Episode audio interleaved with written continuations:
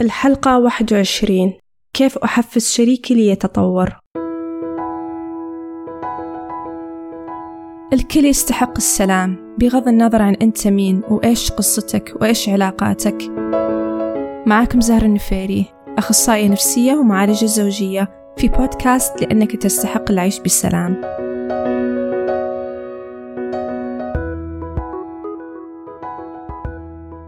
كيف نقدر نساعد أن الشريك يتطور؟ سؤال جميل وقبل ما أبدأ أبغى أنوه أن التطور اللي أقصده هنا هو لما ما يكون الموضوع فيه ضرر جسدي مباشر عليك أنت يعني ما نقدر نقول كيف أطور شريكي وأخليه ما يضربني لكن لو مثلا أبغى الآخر يهتم في نفسه أكثر ياخذ دورات معينة عشان يصير مثلا متحدث أفضل أو اجتماعي أكثر أو عشان يهتم في وزنه وصحته. فإيش نعمل في هذه الحالة وكيف نساعد الآخر على التطور؟ إجابة هذا السؤال أصعب من ما نتوقع لأن إذا ما جاء الشريك من نفسه وطلب المساعدة فهنا راح يكون دفاعي وما راح تعجبه نوع المساعدة اللي نبغى نقدم له إياها. وخاصة بشكل عام الناس غالبا يتحسسون من أي تعليق أو نقد يمس شخصيتهم أو عقليتهم أو جسمهم فكيف طيب نقدر نزيد احتمالية أن إحنا نقدر نحفز الشريك؟ راح أتكلم عن الإجابة وقبل ما أتعمق فيها في سؤال جدا مهم نفكر فيه. هل هدفك من مساعدة شريكك علشانك أنت أو علشان شريكك؟ في ناس كثيرة تبغى تساعد شريكها. بس علشان هم يبغون يحسون بشعور أفضل تجاه الشريك. لأن مثلا حسوا بمشاعر نفور تجاه الآخر آه، بسبب أسلوب حياته أو تصرفاته. فيبغون أن شريكهم يتغير علشان يرجع لهم شعور الحب والانجذاب تجاهه. وهذا ما يعتبر خطأ ولكنه جدا صعب أنك تحط مصير علاقتك ومصير مشاعرك بيد شيء مش في تحكمك. وأيضا لما يكون هدفك من المساعدة هو فقط علشانك فحتى طريقة طلبك راح تتأثر. لأن لما يكون موجود مشاعر استياء وغضب وممكن يأس من الآخر فمعناتها أنك راح تضغط على الشريك وتبغى أنه يتغير بسرعة وراح تحن عليه وممكن حتى تبين له نفورك وهذا كله ما راح يساعد شريكك أنه هو يتغير. عشان كذا أول سؤال هو هل تبغى التغيير يكون عشان نفسك؟ أو هل تقدر أن تخلي تركيز هدفك يكون جاي من حب واهتمام للشريك؟ نجي بعدها للنقاط اللي ممكن تساعد على تحفيز الشريك على التغيير. وبس أبغى أقول لكم أن أغلب النقاط اللي راح أذكرها راح تعتمد على زيادة وعيكم أنتو وتطوركم أنتو علشان تقدرون تعرفون إيش الطريقة اللي ممكن تزيد من احتمالية استجاب شريككم لكم. أوكي؟ أول نقطة هي أن نتذكر أن شريكك إنسان مستقل وله كيانة وشخصيته وتجاربه وله ماضيه وله حاضر مستقل عنك. ما نقدر نقول أبدا أنا أبغاه يتغير بس لأن أنا مش عاجبني. طب يمكن هو ما يحس أن الموضوع مشكلة. يمكن هو أصلا ما يبغى يتغير. فهذه أول نقطة أن تتذكر بشكل مستمر أن شريكك إنسان مستقل ومختلف عنك وهذا هو الطبيعي. النقطة الثانية أن تتعامل مع المشاعر اللي أنت تحس فيها تجاه هذا الموضوع.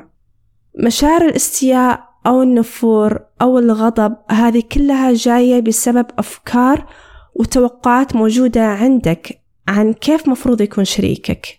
ففي الحقيقة هذه هي مشكلتك. مش مشكلة شريكك وأنا طبعا عارفة أن أحيانا الواحد يقول أن هذه مشكلة شريكي برضو لأن مثلا أنا خايفة على صحته أو خايفة أن أسلوبه في التعامل راح يعرضه لمشاكل أو إحراجات مثلا. وهذه كلها أسباب منطقية. في نفس الوقت مهم أن نفصل بين المشاعر والأفكار اللي تخصني والمشاعر والأفكار اللي تخص شريكي. هنا خوفك هو يخصك أنت. وأبغى أأكد على أن خوفك على شريكك شيء جميل وأنا ما قاعدة أقول لك لا تخاف على شريكك ولكن في نفس الوقت مهم تعرف هل في أسباب أعمق لمشاعرك لهذا الخوف مثلا؟ هل مثلا تخاف أن شريكك إذا ما انتبه لصحته راح تفقده مثلا؟ هذه مجرد أمثلة ولكن الفكرة أنك تحاول تفهم طبيعة مشاعرك وإذا في أي أسباب عميقة قاعدة تزيد من ظهور هذه المشاعر. وأيضا في نفس الوقت أنك تتعلم كيف تضبط مشاعرك وتتعامل معها أنك مثلا تكتب تمشي تثبت نفسك تستوعب أن هذه مشاعرك أنت وأنت مسؤول عنها. وما تقدر أنك تطلب حتى طبعا لو طلبك منطقي ولكن ما تقدر تطلب من الآخرين أنهم يتغيرون بس علشان تهدئ مشاعرك نجي للنقطة الثالثة هي بعد ما أنت حاولت تفهم مشاعرك وتهدئ نفسك جاء الوقت اللي تبدأ تتكلم فيه مع شريكك طب كيف تتكلم مع شريكك؟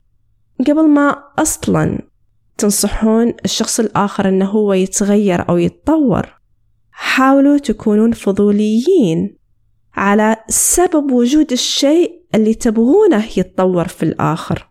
مثلا لو كان الشخص الآخر ياكل كثير خلينا نحاول نفهم من عند الشخص الآخر إيش المشاعر الموجودة اللي تخليه يفرط في الأكل أو إيش المشاعر اللي تخليه يكون خجول وما يبغى يطلع من البيت. أو العكس إيش المشاعر اللي تكون موجودة؟ تخليه إنه هو يبغى يكون عنده صداقات مرة كثيرة ودائما يبغى يطلع. نحاول نفهم هو ليه يتصرف بالطريقة اللي يتصرف فيها. نفهم شعوره ونسأله إيش شعورك لما تسوي الشيء الفلاني؟ طبعا طريقة السؤال تكون طريقة لطيفة وفيها فضول ما تكون طريقة استهزائية أو انتقادية أبدا. بعدها نحاول نبين تعاطفنا مع الشعور اللي يحس فيه.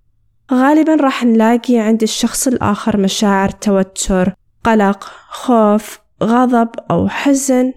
فكويس إن نبين تعاطفنا مع الشعور نفسه اللي يخليه إنه هو يتصرف بالطريقة اللي إحنا نبغاه يتطور فيها. بعدها كويس برضو أن إحنا نشارك مشاعرنا تجاه المشكلة اللي موجودة بس إنها ما تكون مشاعر سلبية وناقدة. حاولوا تختارون مشاعر اللي مثلا فيها كلام زي أنا أحس إني خايف عليك أو أحس بحزن لما هالشي يصير. آخر شيء بعد ما تكون فهمت الأسباب وتعاطفت وبينت شعورك تيجي الخطوة الأخيرة وهي أنك تسأله وهذا المفتاح أنك تسأله تقول له هل تبي تغير هالشيء أو لا؟ وكيف أقدر أساعدك تغير هالشيء وتطوره؟ لو قال لك أيوة أبغى أغير الشيء المعين فممتاز. ولو قال لك لا فكويس تقول له أن ترى أنا عندي كذا نقطة ممكن تساعدك وأنا موجود متى ما أنت تحب أنك تسمعهم.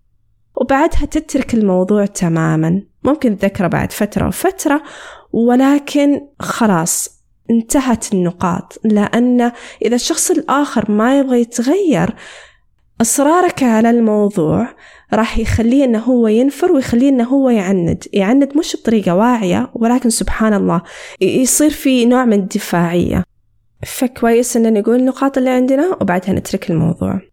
لين ما إنه هو يفكر فيه يفكر فيه وبعدين ممكن بعد فترة إنه هو يعجب الكلام مثلا ويبغى إنه هو يطلب المساعدة. فهذه هي النقاط. ويمكن البعض كان ينتظر طريقة سحرية لكيف إنه نقدر نغير الشريك.